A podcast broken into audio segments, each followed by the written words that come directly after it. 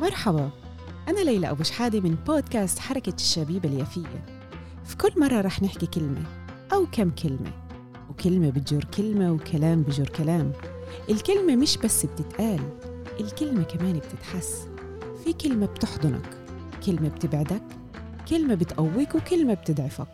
ماضينا كلمة مستقبلنا على كلمة والحاضر نفسه كلمة. في كل مرة رح نقول كم كلمة وهاي المرة كلمتنا هي الحب. في تعريفات كتيرة ومتنوعة للحب وبيختلف من مكان لمكان من زمان لزمان ومن شخص لشخص.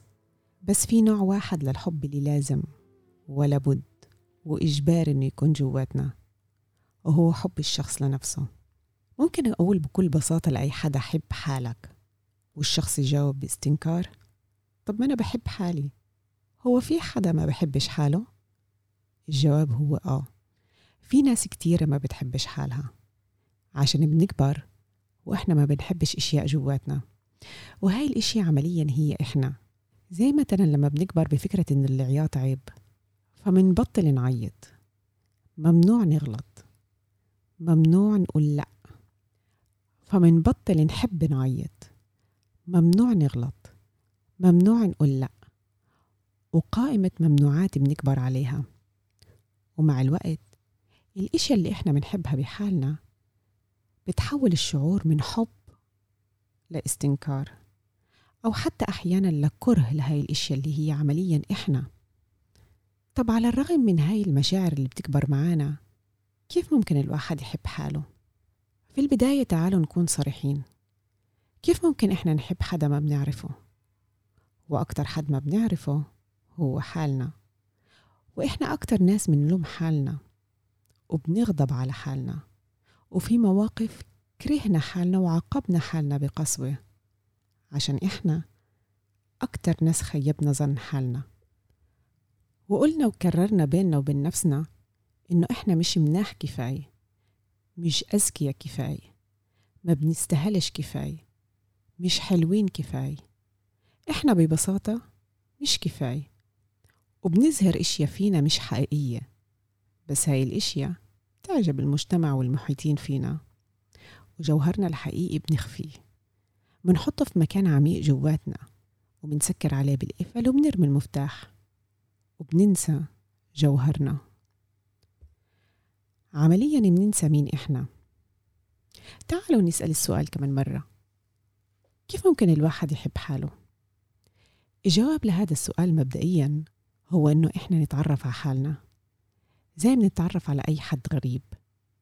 نفهم نقاط ضعفنا ونتقبل حالنا بكل مركباتنا الداخلية السلبية منها والإيجابية. ونغوص جواتنا عشان نكتشف مواطن القوة والجمال. بالضبط زي ما بنغوص في البحر. مين فينا ما بحبش البحر؟